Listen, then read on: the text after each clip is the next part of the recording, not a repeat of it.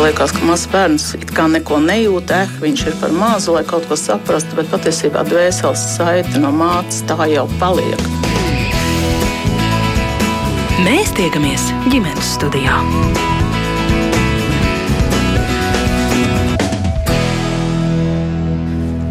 Labdien! Radījums ģimenes studijā sāk savu skanējumu. Tā producentes šoreiz ir Sarmīta Kolāta un Ieva Zēze, pie mikrofona šodien Agnese Linka.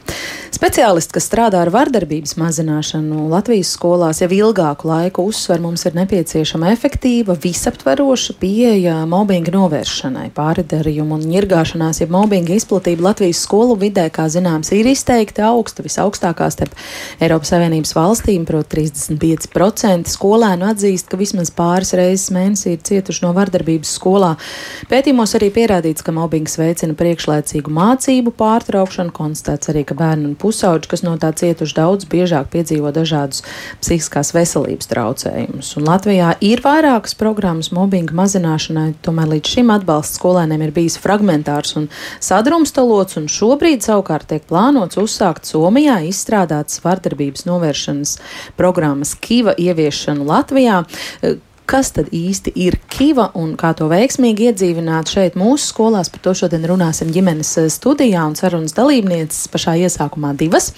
Um, agrāk pārisoru koordinācijas centra, tagad valsts kancelējas pārisoru koordinācijas departamenta konsultante Nita Jirgensāna šodien ģimenes studijā. Labdien! Labdien! Un arī resursa uzvedība LV vadītāja Līga Bērziņa arī tieši vai netieši, bet iesaistīta Kīva programmas ieviešanā. Sveika! Labdien! Un eh, Kālaža arī jūs klausāties klausītāji, ja dzirdat eh, sarunas gaitā kādu pavadienu, aiz kā aizķeras savus un gribas ko vaicāt, droši pievienojieties mums sarunā, ja ir kas eh, sakāms, komentāri, viedokļi, jā, patiešām arī jautājumi rakstiet ģimenes studijā no Latvijas radio mājas lapas, mēs tos um, gaidīsim. Nita, lūkšu jums iesākumā stāstīt, kas tad īsti ir Kīva un kāpēc tieši šo programmu izvēlēts ieviest Latvijā. Mm -hmm, paldies! Tātad Kiva ir tāds ļoti plašs. Mm, teiksim, tā materiāla apkopojums, kas ir izstrādāts kopējā programmā, kas palīdzēs skolu vidi veidot krietni draudzīgāku un kopumā cīnīties pret pārdarījumiem un vardarbībiem, kas šajā skolu vidē notiek. Kāpēc tieši Kiva? Tāpēc, ka Kiva jau ir sevi pierādījusi kā efektīva programma ne tikai pašā Somijā, kur viņi ir izstrādāti jau pirms vairāk kā desmit gadiem, bet arī citās valstīs. Un tiešām šī viņas efektivitāte, jeb tas, ka viņa strādā, ir tas galvenais iemesls, kāpēc arī mums, mūsu izvēle ir kritus par labu Kivai. Kīvas pamatā ir trīs bloki. Pirmais bloks ir tāds materiāls, kā jau teicu, sākumā materiāla kopums, kas palīdz gan skolotājiem, gan vecākiem apgūt un ikdienā pielietot dažādas sociālo-emocionālās prasmes, kā risināt konfliktus, kā izdzīvot kaut kādas situācijas, kā rīkoties kaut kādās krīzes situācijās. Tad pamatā ir skolotāju materiāli, kurus viņi īsteno savā ikdienas darbā, strādājot ar klasēm. Uh, ir īpašas stundas uh, tieši bērniem, kur uh, bērni šīs situācijas izspēlē. Viņiem ir dažādi, uh, dažādi pieeja gan interneta spēlēm, gan uh, dažādām mīklām. Gan, nu, šis materiāls ir radīts ļoti apjomīgs un interesants, lai bērniem tiešām uh, būtu aizraujoši ar to nodarboties. Un, un šajā laikā viņi tad apgūst, kā tad rīkoties, ja kaut kas notiek. Jo ļoti svarīgi ir ne tikai tas, kad ir kaut kāda krīzes situācija, kad viens ir cietējis un otrs ir pārdarītājs, bet ļoti liela uh, ietekme ir tam, kā reaģē vispārējie, kas ir malā, malā stāvētāji vai skatītāji. Vērotāji, Tieši tas, jā. ka šo vērotāju uzvedību arī koriģēt tā, lai viņa uh, palīdzētu šīs situācijas nenovest līdz kaut kādām lielākām krīzēm. Mm -hmm. Uzreiz ātrais papildu jautājums. Piektdien, kad notika programmas atklāšanas pasākums, un piekdien uh, dzirdējām un redzējām kolēģu ziņu žurnālistu veidotos sižets, tur bija uzsvērts. Agrāk teica, ka Kīva ir ļoti dārgs pasākums, pārāk dārgi priekš Latvijas. Tagad mēs esam ķērušies pie tā ieviešanas. Kaut kāds lūzumpunkts, kas notika? Jautājums ir par finansējumu, ja par lūzumu punktu. Kas notika? Kāpēc agrāk teica, ka mēs to nevaram atļauties, tagad, tagad tomēr ir izšķiršanās, ka darām? Uh, un nu, darām tieši Kīva. Uh, par to dārdzību. Jā, šajā gadījumā man uzreiz jāsaka, ir ļoti žēl, ka tas arī ir pārvērsts par tādu ļoti tādu apspriežamu jautājumu. Uh, Kīva, ja mēs skatāmies uz izmaksām, viņi pat nav ļoti dārga programma. Ja mēs rēķinām tās, uh, tās investīcijas, kuras mēs dodam savām skolām, šādā ziņā tas tiešām uh, nav kaut kas ļoti, ļoti dārgs, ja skatāmies pasaules praksi. Un tā ir arī normāla praksa, ka programmas izstrādātājs uzliek zināmas ierobežojumus un cena tiešām ir konfidenciāla, bet tas ir tikai tāpēc, tāpēc, ka viņi tiešām šajā gadījumā Turku universitāte kā programmas turētājs, viņi tiešām izvērtē katru valsti atsevišķi un tādēļ šī te, uh, informācija mm. ir konfidenciāla. Bet atgriežoties pie lūzuma punkta, uh, varētu būt, ka vienkārši tā kritiskā situācija beidzot ir sasniegusi kaut kādu šo kritisko masu, nu, kad vairs jau ilgāk vilkt nevar, jo tomēr tā situācija skolās mēs redzam, ka paliek arvien smagāka. Un šajā gadījumā ir nu, teiksim, pieprasījums no sabiedrības un, un, un varētu teikt, ka lēmumi no politiķu puses arī beidzot tiek pieņemti šajā virzienā. Mm -hmm. Jā, Līga grib arī tevi iesaistīt sarunā. Tu strādā arī ar problēmām, problēmu situācijām skolās. Kas ir tas, ko tu zini par uh, Kiva programmu un kā to var vērtēt?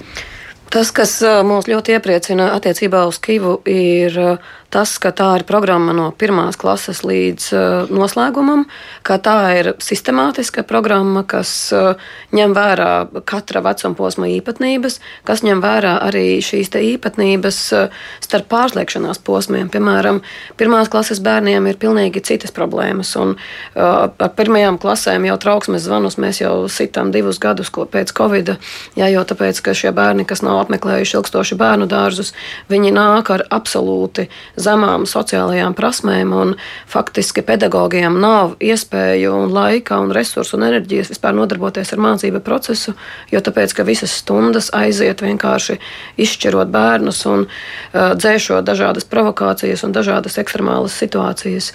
Un tālāk arī šī programma virzās un virza cauri visus iesaistītos, gan bērnus, gan arī pedagogus, gan vecākus un, un arī skolas vadību cauri šiem piekto klašu posmiem, kas arī ļoti sarežģīts, eh, jo, jo tāpēc, ka bērni attīstās nevienmērīgi un tur veidojas cita veida konflikti. Tālāk jau vecākajās klasēs, kur jau parādās atkal savādāka veida problēmas, nu tad kā faktiski cauri visam skolas posmam. Jo tas, kas patreiz notiek Latvijā, ir atsevišķas programmas, bet šīs programmas uh, Pirmkārt, viņas ir ļoti fragmentētas, un lielākoties eh, tie daži programmu īstenotāji spēja darboties tikai tādā ugunsdzēsēju režīmā, ka mēs dodamies tur, kur jau nu, kāds tiešām taisās izdarīt pašnāvību, vai tur, kur ir kāds iemērts podā, ja, vai kur ir kāds pazemots, vai kāds atkal ir piekauts piekto reizi pēc kārtas. Bet eh, tajā brīdī, tad, kad mēs atrisinām šo ugunsgrēku, tad mēs atkal dodamies uz kaut kādu kārtējo nākamo ekstremālo gadījumu, kur nav iespējams gaidīt. Un, Un līdz ar to ir brīnišķīgi, ka beidzot valsts ir pielikusi punktu, ka pārstājam darboties ugunsdzēsības režīmā un sākam strādāt sistemātiski no pirmās klases un cauri visiem gadiem, un respektējot katra vecuma posma un arī katras faktiski arī vietas un vides īpatnības. Mm, jā. Uzreiz varbūt par tām līdzšinējām programmām mums klausītāja Anna jautā, programmas pieteikums izklausās ļoti līdzīgs motu programmai, kas liek domāt, ka, tā, ka šī dos kādus rezultātus. Pēc pieredzes ar motu īstenošanu, diemžēl, liela skepse, jo reālu rezultātu īstajā dzīvē nav. Jaunieši ir smuki iemācījušies atražot pareizo uzvedību un sakāmo stundās, kas beidzas tik līdz aizvars klases durvis. Uh, nu jā, šajā gadījumā tātad pirmais ir tas, ka šī programma tiešām darbojās jau 20 valstīs, un es domāju, nu, ka tomēr uh, kaut kādas līdzības ar citām valstīm mēs arī varam savilkt, un nu, nav uh, Latvija tik unikāla, lai, lai kaut kas uh, nenostrādātu. Protams, ir uh, tāpēc ļoti pamatīgs darbs tiek šobrīd ieguldīts arī programmas pielāgošanā tieši Latvijas situācijai. Uh, Vēl runājot par to, kāpēc viņi varētu strādāt, šī programma lielā mērā strādā uz prevenciju, uz šīs vides veidošanu skolā. Un uh, pat ja uh, jaunieši atbild uz kaut kādiem jautājumiem pareizi vai nepareizi, tomēr jau no mazotnes mācot šo sociāli pieņemamu uzvedību, tas ir mazliet savādāk. Līdz ar to nav tieši tā kā Līga teica, ka nav uguns, ugunsgrēku dzēšanas gadījums, kad ir viena krīze, mēs nodzēšam, un tad liekas, ka nu, tagad vajadzētu visam būt kārtībā. Nē, mēs pakāpeniski no pašas pirmās klasītes sākam strādāt un rādīt, kā pareizi risināt situācijas. Mm -hmm. Jā, Jānis mums vaicā, kas tad ietilps šajā programmas cenā, kaut kā nav saprotams, kāpēc jāmaksā par to, ka kāds sacīs, ka citiem dāri arī pāri darīt ir slikti un piestādīs par to rēķinu. Nu, tas taču būtu pašsaprotami. Tā viņš jautā. Nu, droši vien te ir vieta skaidrošanai. Uh, jā, pilnīgi noteikti. Tātad cenā ietilpst gan šīs programmas izstrādātie materiāli. Un, nu, īsti laikam nepietiek ar to, ka kāds saka, ka pāri darīt nepietiek, jo to parāda. Es, es tiešām domāju, ka visi vecāki kaut reiz mūžā savam bērnam to ir teikuši. Un, kā mēs redzam, nu, tas īsti nepalīdz. Un, uh, tieši tāpēc ir vesels materiālu kopums, ar ko es arī sāku. Tas ir gan uh, darba materiāli skolotājiem, uh, laika plā, uh, darba plānošanai, kā iekļaut šīs situācijas, kā konkrēti ar šīm situācijām strādāt. Un tas nav tikai par to, ka pateikt, tā ir labi vai slikti. Tās ir tiešām konkrētas situācijas, kurām bērni iziet cauri, kur viņi izspēlē šīs sajūtas, un viņi paši sajūtās, kā jūtās tajā brīdī, kad ir kaut kāda šī smiešanās vai joks. Tas nav tā vienkārši. Tas ir tiešām ļoti nopietns darbs ieguldīts. Mm. Un viens ir tas, ka ir materiāli izstrādāti, otrs ir arī šī te, uh, programmas treneri, kas uh, apgūst, kā šo programmu ieviest. Un, un, un tur ir diezgan uh, nu, būtisks darbs ieguldīts mm. šīs programmas programmas radīšanā. Jā. Piektdien Rīgā viesojās arī programmas Kivā autori, Turku Universitātes psiholoģijas profesora Kristīna Salmi Vallī, kurai arī ģimenes studija vaicāja, ar ko tad Kiva programma ir īpaša salīdzinot ar citiem šāda veida instrumentiem. Paklausīsimies uh, viņas teiktajā. Šī ir zinātniski pamatota programma. Mēs veicām gadiem ilgus pētījumus, lai to izstrādātu, lai izprastu mobbinga veidošanās mehānismus un kā to dažādos veidos novērst. Arī pēc programmas izstrādes ir turpinājusies tās pētniecība. Tā ir veiksmes atslēga. Ideja, kas stāv pāri visai programmas būtībai, ka mēs necenšamies atsevišķi ietekmēt tikai tos bērnus, kas dara pāri citiem, vai tos, kas ir upuri, bet gan radīt piesardzību visos, kas ir klātesoši, novērotāji, visos pārējos pagalmā, gaiteņos, klasēs, lai viņi nesmietos un nepaietu garām. Būtu gana drosmīgi pateikt, ka tas viņiem nav pieņemami. Tā ir atslēgas problēma. Pat ja daudzi saka, ka viņiem nepatīk, ka skolā ir mobbings, tomēr, esot vienaudžu pulkā, viņi var rīkoties tā, ka problēma tikai padziļinās smieties, ķiķināt, neko nedarīt, lai vardarbību novērstu. Pat ja viņi principā zina, ka tas nav labi.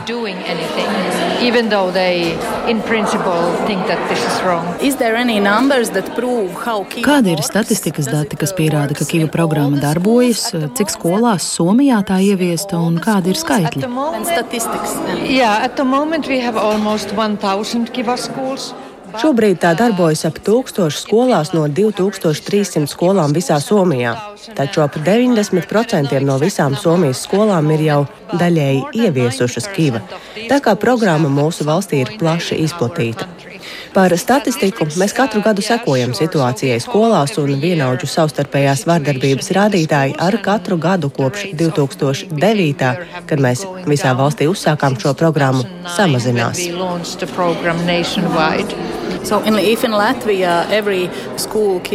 Ja mēs salīdzinātu, Latvijā katrs trešais skolēns saka, ka ir pieredzējis vienaužu pārdarījumus.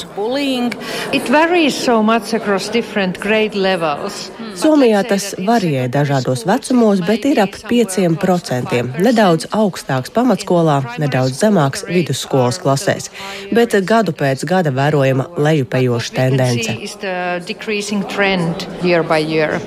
Uh, so Latvia problem, teachers, are... Latvijā mums ir problēmas ar skolotāju izdegšanu, pārstrādāšanos. Viņi protestē pret nepietiekamu atalgojumu un nesamērīgu darba slodzi. Kāds ir jūsu skatījums uz riskiem un grūtībām ar Kivu programmas ieviešanu šādā situācijā?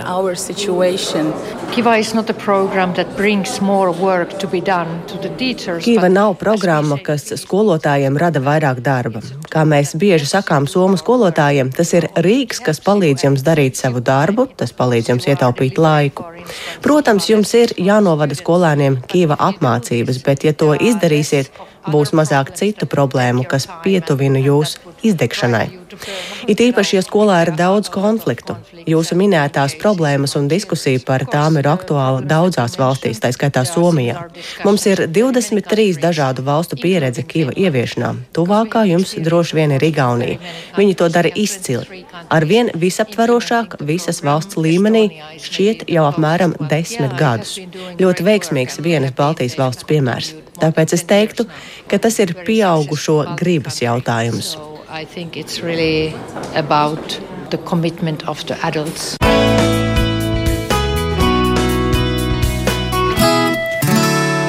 Tālāk, Turku Universitātes psiholoģijas profesora Kristīna Salma Balī. Eh, vai ir kaut kas, ko varbūt akcentēt īsi viņas teiktajā? Jā, es pilnīgi piekrītu par to, ka par, to, par pedagogiem, ka mēs arī redzam, strādājot ar, ar, ar pedagogiem, ka ir, ir, protams, ka tajā brīdī, tad, kad ir vardarbība klasē, tajā brīdī, tad, kad tā klase pilnīgi nav savācama, tad nereti um, ienākot tajā klasē, tad, tad pedagogam ir sajūta, ah, man būs vēl vairāk darba, bet uh, tas, ko mēs arī mēģinām iedrošināt, ir, ka faktiski, ja nu, ir psiholoģiski draņķīgs klimats, tad mācība process vispār nav iespējams, jo bērni visu laiku domā, vai viņam kāds nedarīs pāri, vai par viņu nesmiesies.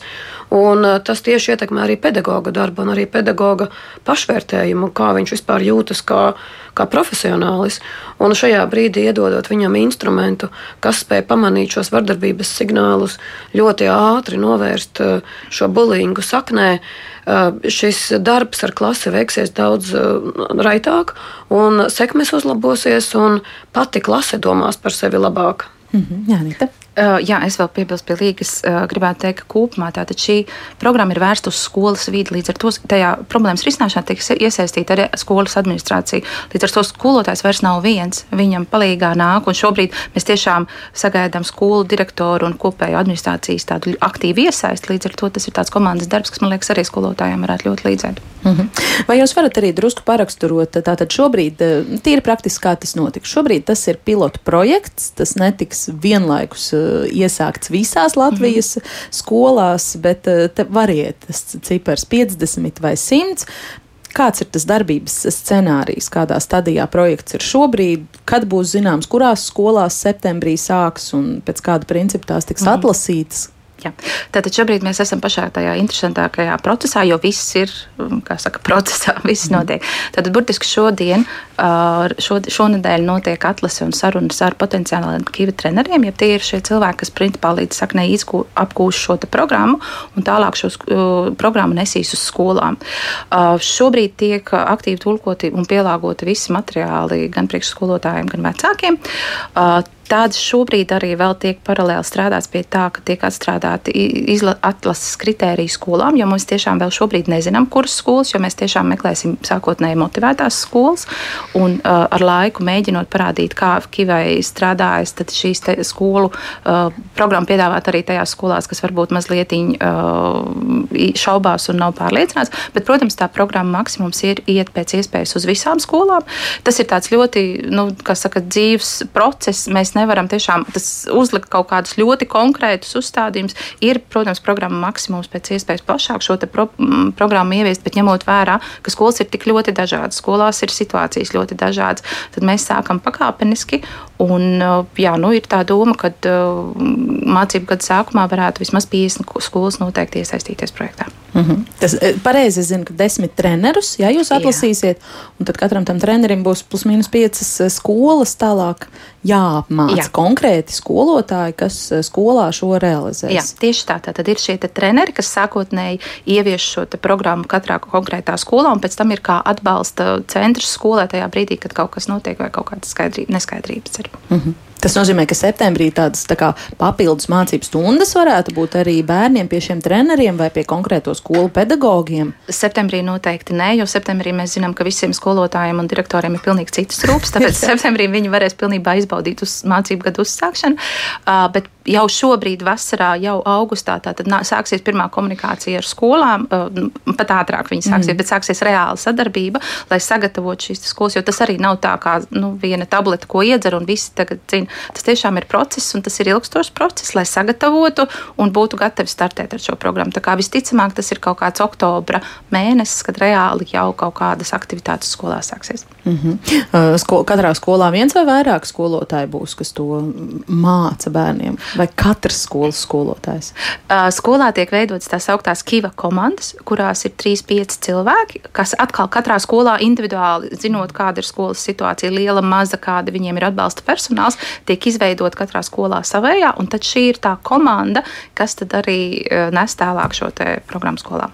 Mm -hmm. Un motivētās skolas, jūs teicāt, mēģināsiet uzrunāt vai, vai atrast, skolas pašas pieteiksies? Mēs uzrunāsim pilnīgi visas skolas, jo mēs gribam, lai visās skolās tas ir, bet, protams, skolām ir jārēģē, jāatsaucās un jābūt gatavām. Un, kā mēs teicām, mēs ļoti sagaidām šo atsaucību arī no skolas administrācijas, tāpēc ir svarīgi, ka viss, nu, ir šī skolas noskaņa tāda, jo nav, nav jēga piespiedu kārtā kaut ko darīt, ja skola nav gatava paņemt šo programmu. Bet skolu pašiem dibinātājiem pašvaldībām būs kaut kādas izmaksas saistībā ar skolas iesaistīšanos šajā pilotprojektā, vai ne? Nē, šobrīd ne. Jā. Kā Kiva darbību var novērtēt eh, vecāki? To mums tūdaļ pastāstīs māma Irina, jo viņa kopā ar ģimeni šobrīd mīt Somijā un ir piekritusi laipni padalīties ar mums pieredzē. Labdien, Irina, vai dzirdat mūs? Jā, labdien, es jūs dzirdu, kā jūs mani? Brīnišķīgi dzirdam, paldies. Jā. Irina, izstāstiet, cik veca jūsu meita un kāda ir jūsu kā māmas pieredze un izpratne par, par eh, Kīva darbību?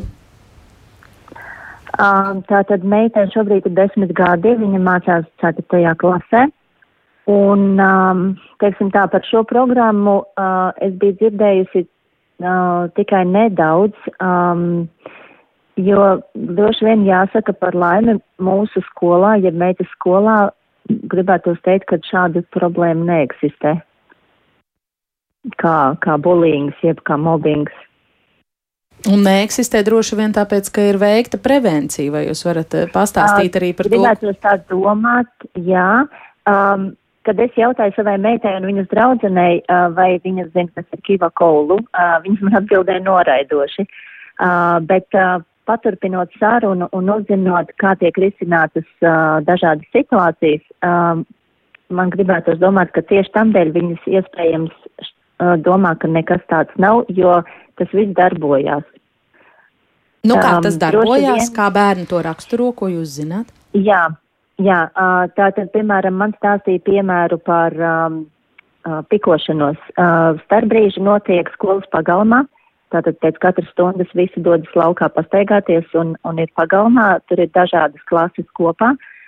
Un uh, starpbrīžus pagalmā uzrauga gan skolotāji, gan uh, noteikti skolēni. Meita zināja stāstīt, ka tie ir astotās klases skolēni, um, kur ir atpazīstami, teiksim, bestītēs viņa staigā, un uh, viņu uzdevums ir uzraudzīt, lai spēlēšanās, skriešana, atpūta notiktu uh, draudzīga, bez uh, starpgadījumiem, bez strīdiem un bez kautiņiem. Un uh, tik līdz, ja viņi novēro kaut ko, teiksim, aizdomīgu vai, vai tiešām, kad notiek kāds starpgadījums, uh, šie skolotāji un skolēni uzreiz iesaistās un risina to starpgadījumu turpat uz vietas. Jā, uh, un uh, ziniet, uh, Irīne, es varētu jums arī mēģināt uzdot vienu jautājumu, ko mums ir iesūtījis klausītājs Zane. Nu, pāradresē tā kā nedaudz jums vai Latvijā vecākiem Jā. projekta Kiva ietvaros būs tieši tāda pati atbildība kā vecākiem Somijā.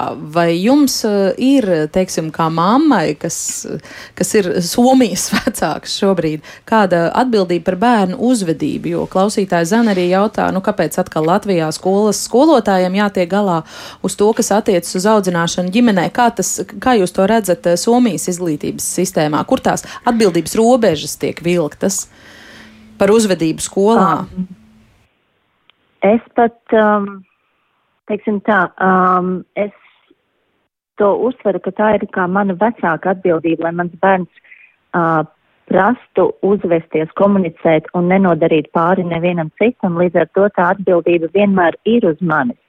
Un um, skolotāji savukārt piedalās tajā daļā, ko viņi var nosegt skolas laikā. Un tālāk notiek sadarbības starp skolotājiem un vecākiem, ja ir nepieciešams.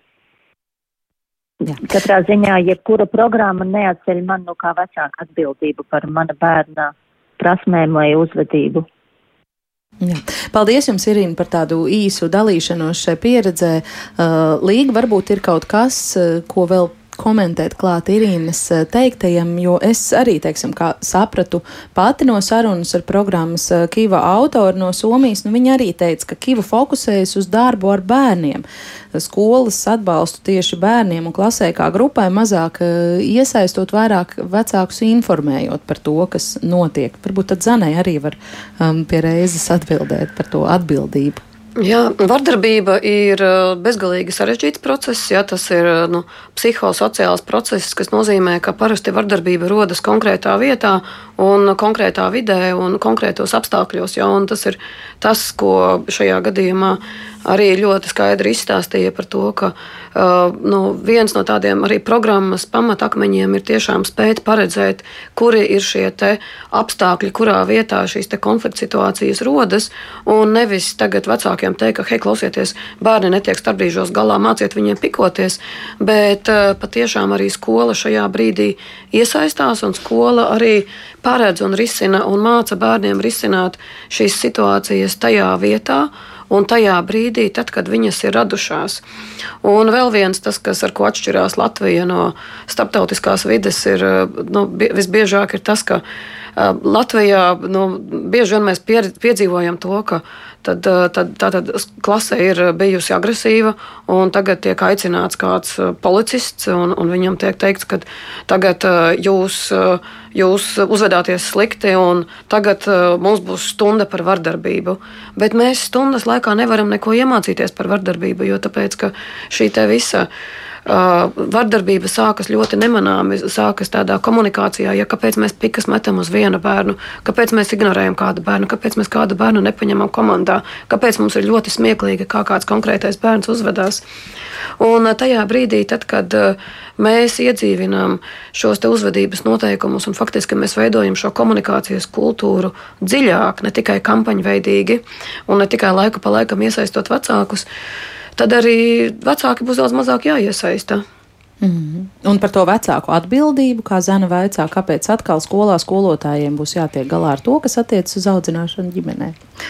Uh, nu, es varu piebilst tikai to, ka kopumā jāskatās uz izmaiņām sabiedrībā. Sabiedrība mainās, un, ja kādreiz bija šīs lielās ģimenes ar vecmāmiņām, vectētiņiem, kas bieži vien tieši šo te, uh, sociālo-emocionālo uzvedību arī pieslīpēja bērniem, tad, diemžēl, tagad ir mazliet savādāk. Un, lai kā man uh, būtu žēl skolotāji, kuri ir ļoti pārslogoti un visādā ziņā darba vide viņiem šobrīd nav no pateicīgākajām. Bet, kā jau Līga arī pirms tam teica, šis ir instruments, kā skolotājiem palīdzēt, kā organizēt šo darbu. Jo arī šobrīd ļoti bieži skolotājiem, esot šajā kaut kādā notikumā, viņiem nav īsti instrumentu vai nu, ko tad īsti darīt, kā risināt šo problēmu. Jo ja tradicionāli piesauktais policists vai mācību daļas vadītāji nestrādā, nu, tad ir jābūt citām lietām. Un šajā gadījumā te ir tas, ka tiek piedāvāti citi scenāriji, kā šīs situācijas konkrētajā vidē, tad, kad viņas notiek, arī ar viņām tikt galā.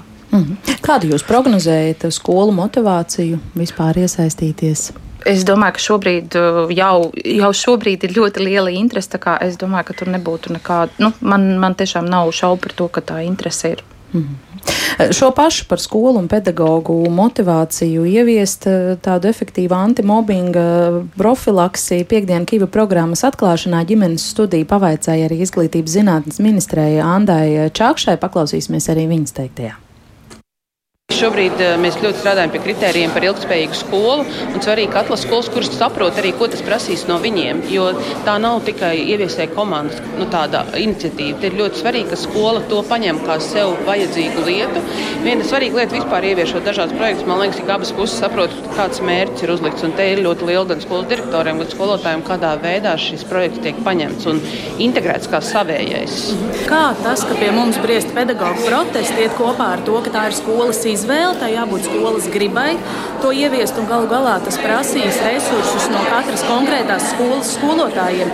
Tas būs papildu darbs pedagogiem, pret ko viņi šobrīd jau protestē tas ir ļoti komplekss jautājums, ko jūs šobrīd uzdodat. Jo, tas ir par šajā, jā, bet jā. es teiktu, tas ir jautājums par to, ko mēs darām ar skolu tīklu.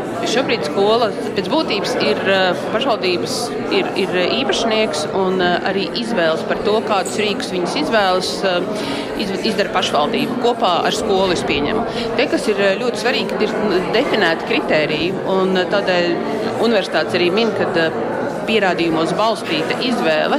Tas, ko ministrija var uh, iedot, tos rīkus, uh, un tas, ko mēs šobrīd auditējam, visi tie rīki, kas Latvijai ir pieejami, uh, kuri ir pētījumos balstīti, kurus var izvēlēties, un tādā brīdī skola var izvēlēties šo rīku.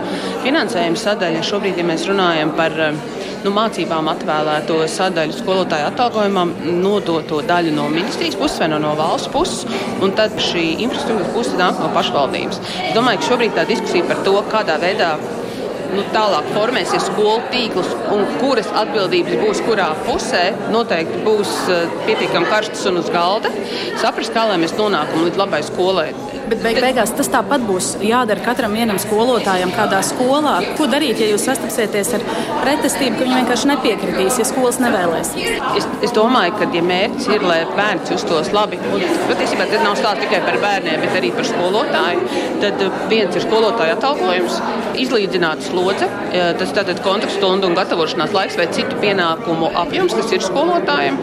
Un tam mums ir svarīgi, ka nu, tas skolu tīkls ir optimāls un skolotājs nav pārslogots vai nu braukājot, vai tieši otrādi viņiem nav pietiekama slodze, un tad viņam ir eh, jākustās tur perimetru un jāmeklē, kur viņš strādās. Nu, tas nav vienā teikumā atbildams. Tā ir ļoti sarežģīta lieta. Šodien vēl nē, bet es domāju, ka, ja mēs runāsim par to labjūtību, es nesaku, ka Kīva būs obligāta, bet tas, ka mums eh, skolai ir uzdots atrast veidu, kā padarīt vidi uh, nu, drošu bērnam, tas, es domāju, ka būs gan obligāti. Tas vārdiņš visaptveroši, kas for, visu laiku izskan projektu pieteikumā, ir tāds diskutabls. Šobrīd uh, es teiktu, ka mēs nevaram runāt par konkrētā produkta ieviešanu visās skolās, bet, ja mēs runājam ilgtermiņā, mums šī vide ir jā jādabūna, ja tā var teikt, laba visās skolās. Tas, kas ir, es saprotu, projekta lielākā grūtība šobrīd ir savākt pilnas komandas, lai varētu uzrunāt skolas un skolas, kas atsauktos, jo tā ir ieraduma maiņa.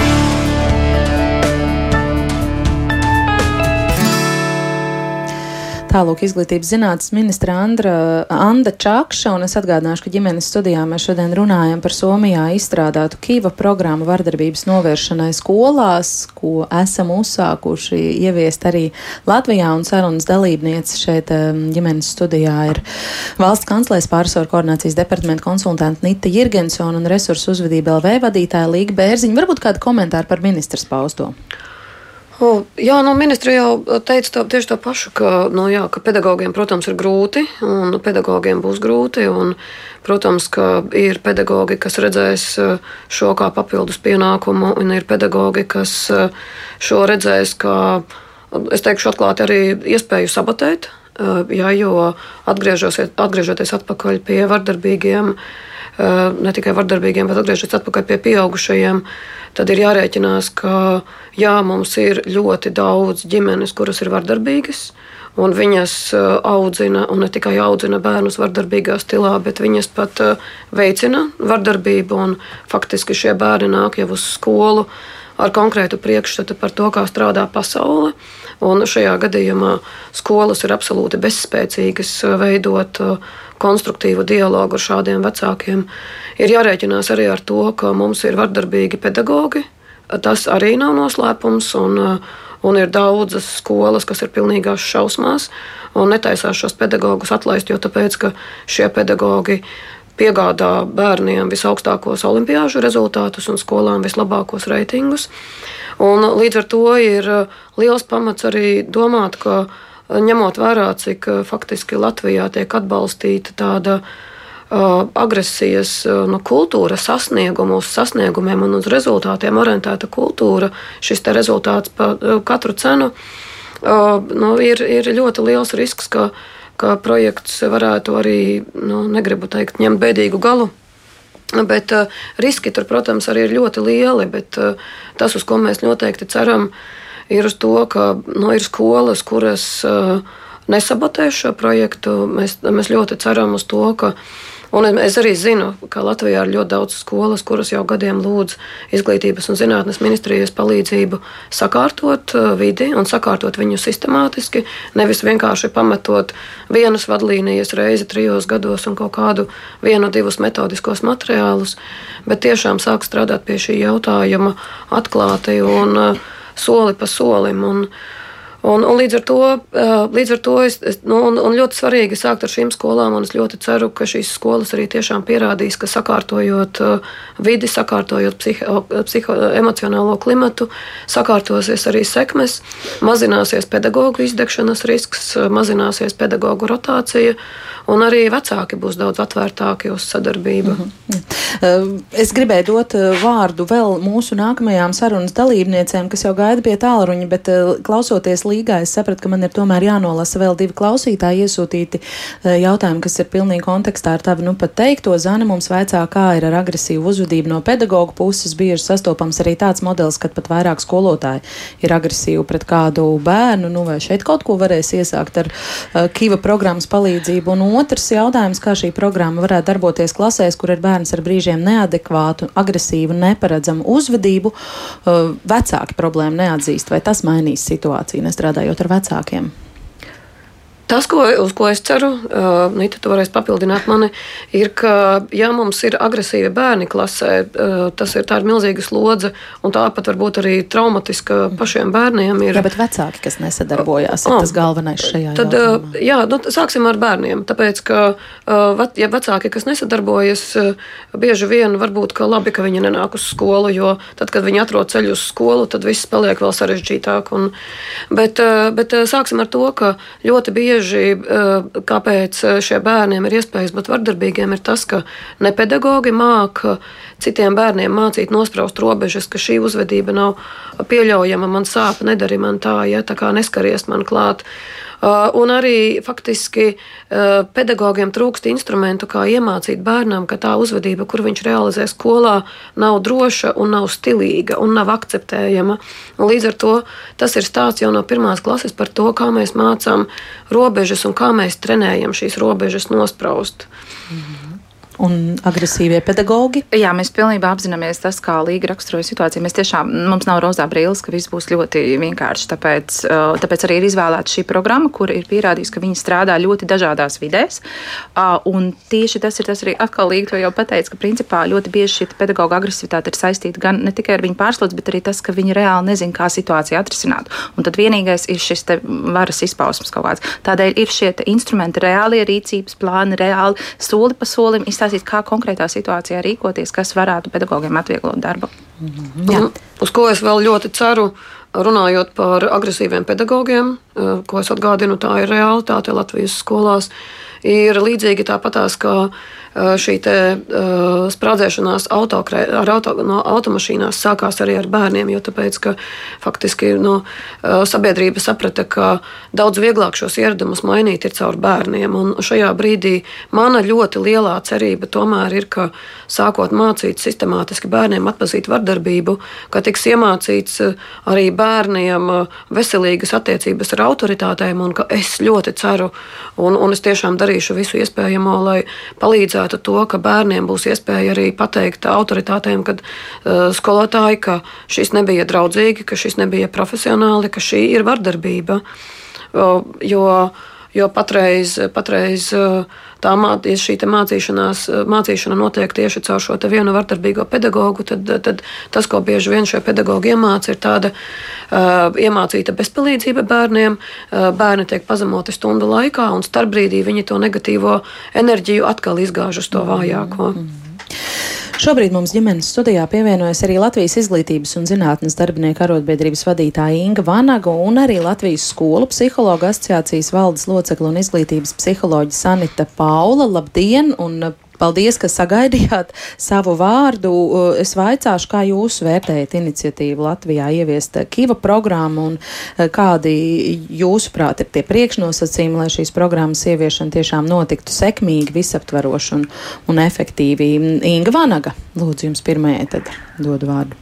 Jā, jā, sveicināt. Jā, kopumā mēs vērtējam pozitīvi, ka šāda programma tiks ieviesta, ja, jo nu, tā ir tomēr pārbaudīta, aprobēta vairāk kā 20 valstīs un pilnveidot, ja un sevi ir pierādījusi. Bet tas, kam mēs vēlētos vērst uzmanību, kā arī īstenojot šo visu, ja pilotējot Latvijas skolās, nu neatstāt atkal šo visu tādā attiecību līmenī, skola ģimene, ja, jo tāpēc, ka šeit būtu jāņem vērā, ka ir arī citas institūcijas un ļoti daudzas, ja, kurām ir jārūpējās arī par šo tiesību ievērošanu un nepieļaut, lai nu, nebūtu ne fiziskā, ne emocionālā vardarbība. Un tas, ko mēs bieži redzam, ka tas skolotājs pedagogs paliek viens pats Ja, un tad sākās birokrātiskais futbols, vai arī tad institūcijas vienmēr atradīs, es atvainojos, 107 iemeslus, kā gala rezultātā tomēr par visvainīgāko atstāt to pedagogu.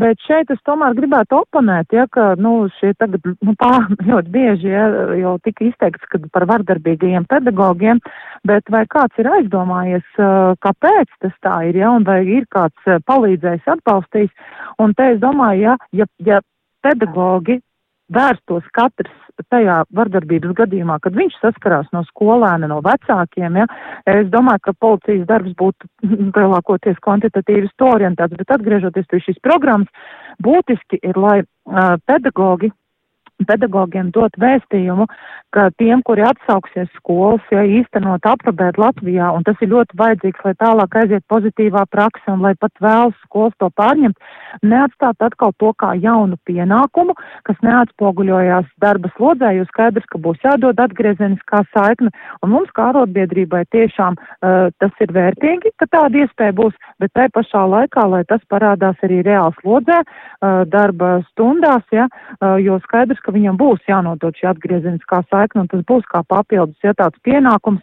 un te tiešām es gribu pateikt arī paldies, ko, ko tātad pārstāvēm, kas ir studijā, un kad šī programma Latvija ir sasniegusi, jo nevēlt arī arotbiedrību gadiem, gadiem, ja cīnījās, lai izglītības likumā būtu grozījumi, kas palielina visu iesaistīto pušu atbildību, ja ir šī vardarbība, ja tā tad atbildība palielinātu gan skolēniem, vecākiem, arī pedagogiem, vadītājiem, dibinātājiem, un tas tiešām mums kopā ir jāizskauž, jo tā ir tā vide, kurā ikdienā lielu laiku pavada mūsu jaunā paudze, un mums kopā ir jārada tā vide gan fiziski, gan emocionāli drošāk, un šis būs ļoti labs rīks, ko mēs varēsim izmantot visi kopā. Mm -hmm. Bet cik reāli jūsu skatījumā, nu, ka tiešām tāda kiva programma, es nezinu, trīs vai, vai piecu vai septiņu vai astoņu gadu laikā varbūt tiešām visaptveroši tāda Latvijas skolās trīs līdz piecu cilvēku komanda katrā Latvijas izglītības iestādē?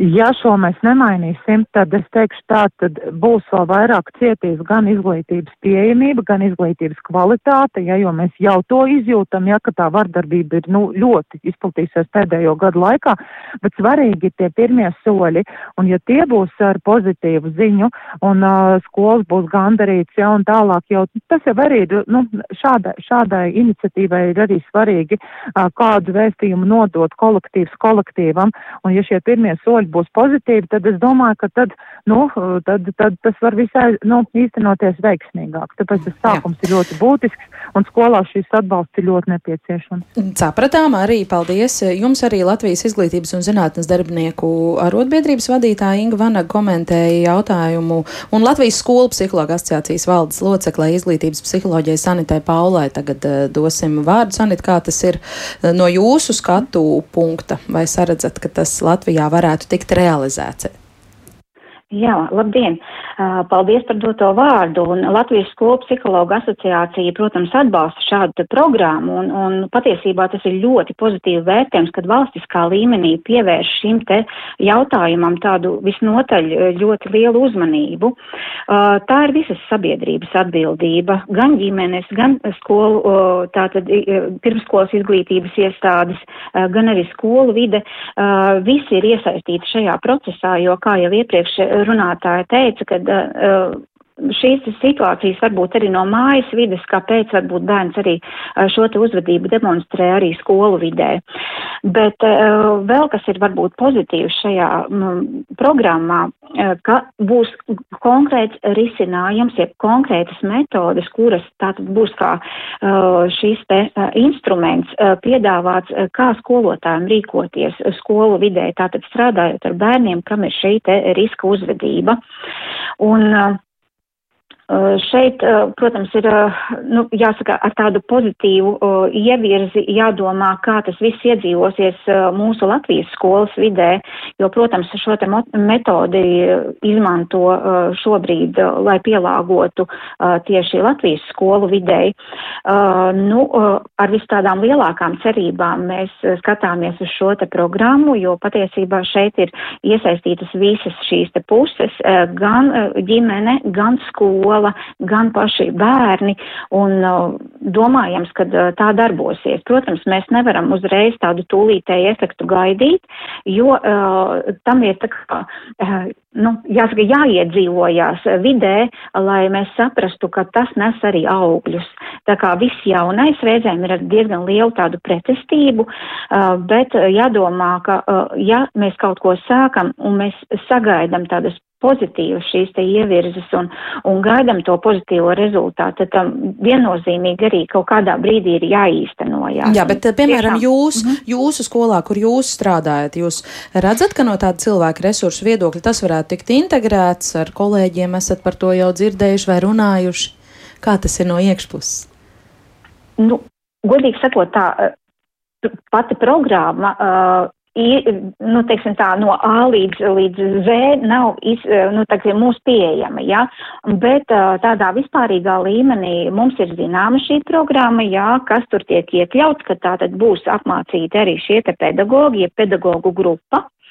Un, um, Kopumā, esat domāju, atvērti, tā teiksim, būt. tā varētu pārformulēt man jautājumu, vai esat atvēr, atvērti šim? Noteikti, noteikti, jo šobrīd mēs saskaramies ar to, ka nu, nav tāds konkrēts instruments, ar ko tad strādāt pedagogam, kā viņam konkrētā brīdī rīkoties, uh, kāds būtu tās dar darbības algoritms, uh, kā strādāt ar viena vai otra, uh, teiksim, uzvedības problēmu bērna gadījumos. Jā, sapratām, paldies arī Latvijas skolu psihologa asociācijas pārstāvēja izglītības psiholoģijai Sanitai Paulai, un atkal es te sadzirdēju, kā strādāt ar gadījumiem. Tas ir stāsts par to, to, ka trūkst instrumenti, kā strādāt ar konkrētiem gadījumiem, problēmu gadījumiem. Bet mēs jau runājam par kīva kā prevenciju, vai ne?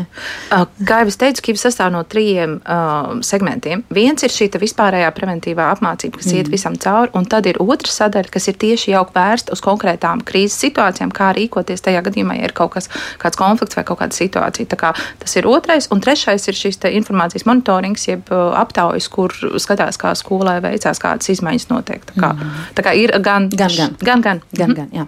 Es uh, gribētu vēl pagūt uh, daudz interesanti jautājumi ir no klausītājiem. Daudz laika nav atlicis, bet mēģināsim tādā sprinta tempā.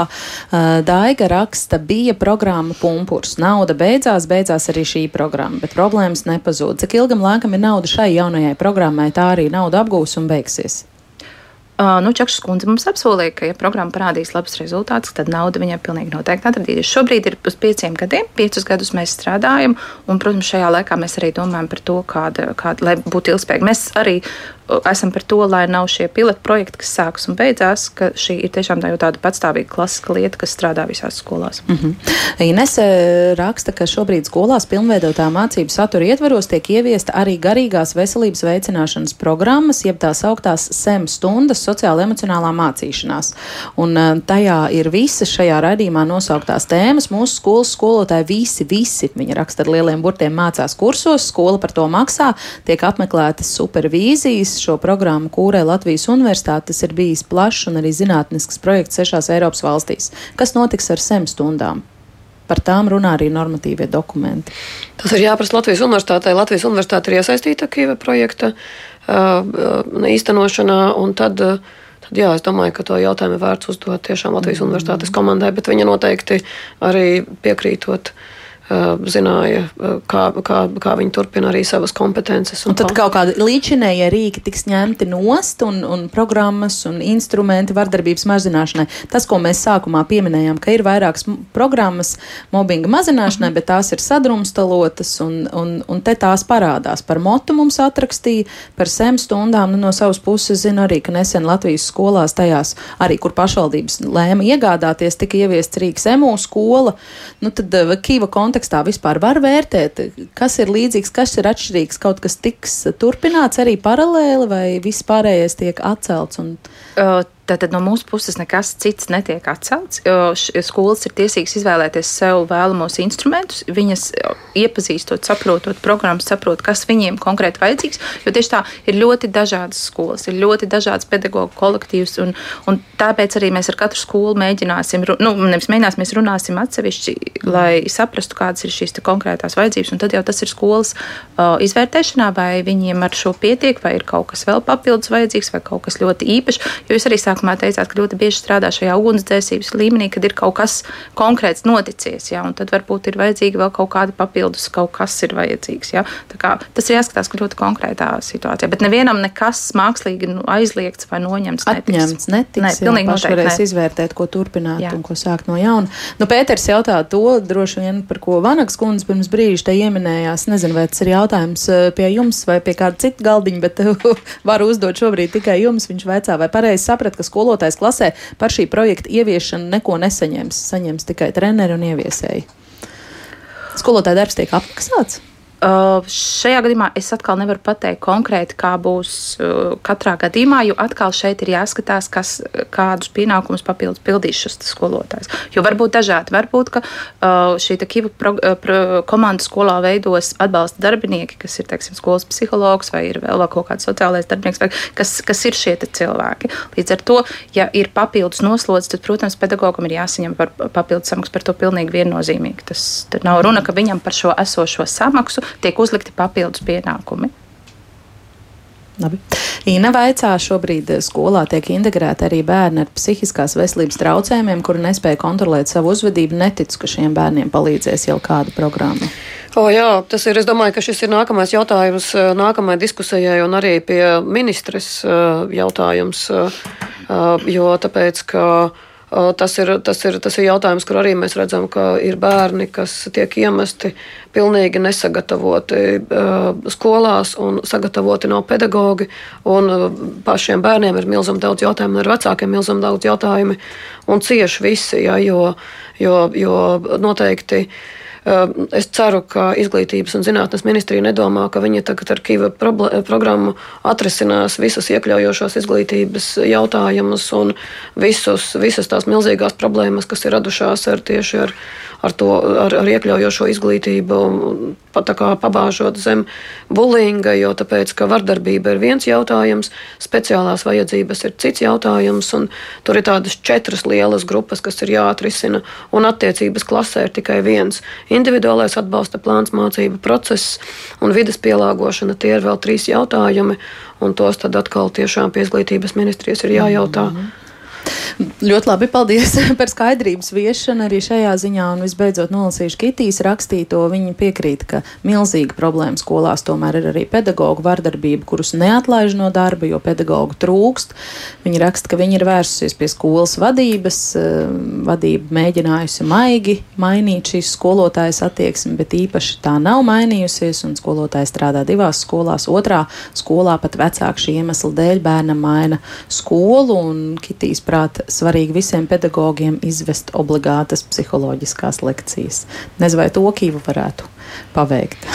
Nu, Pedagogi noteikti tiek, viņiem tiek izvestas šīs psiholoģiskās lekcijas, bet tieši šeit ir stāsts par to, ka ap, apgūstot Kīva programmu, mēs tiešām nevis ceram, bet arī dati par to liecina, ka pedagogi arī iegūst savā ikdienas vajadzībām, savai savstarpējai komunikācijai, ne tikai komunikācijai ar bērniem un vecākiem. Tā kā arī viņiem ir šie instrumenti, kā ikdienā, nu, kā rīkoties kaut kādās situācijās. Tā kā šis te programma nodara, kā saka, gan skolotāju iekšējiem kolektīvam, gan klases gaisotnē, gan skolē kopumā. Mm. Paldies par šo intensīvo domu apmaiņu un tiešām vērtīgo sarunu ģimenes studijā. Es šodien teikšu valsts kancelēs pārisoru koordinācijas departamenta konsultantei Nitai Irgensonai un uzvedība LV vadītājai Līgai Bērziņai. Paldies arī visiem citiem, kas eh, piedalījās sarunā ģimenes studijā, kas eh, rakstīja raidījumu šodien veidoja Ieva Zeizes, Armīta Kolāta pie skaņu pulca īvēt zvejniec pie mikrofona Agnese Linka. Tiekamies, klausieties ģimenes studiju arī podkāstos, mobilajā lietotnē, sekojiet mums sociālos tīklos uz sadzirdēšanos.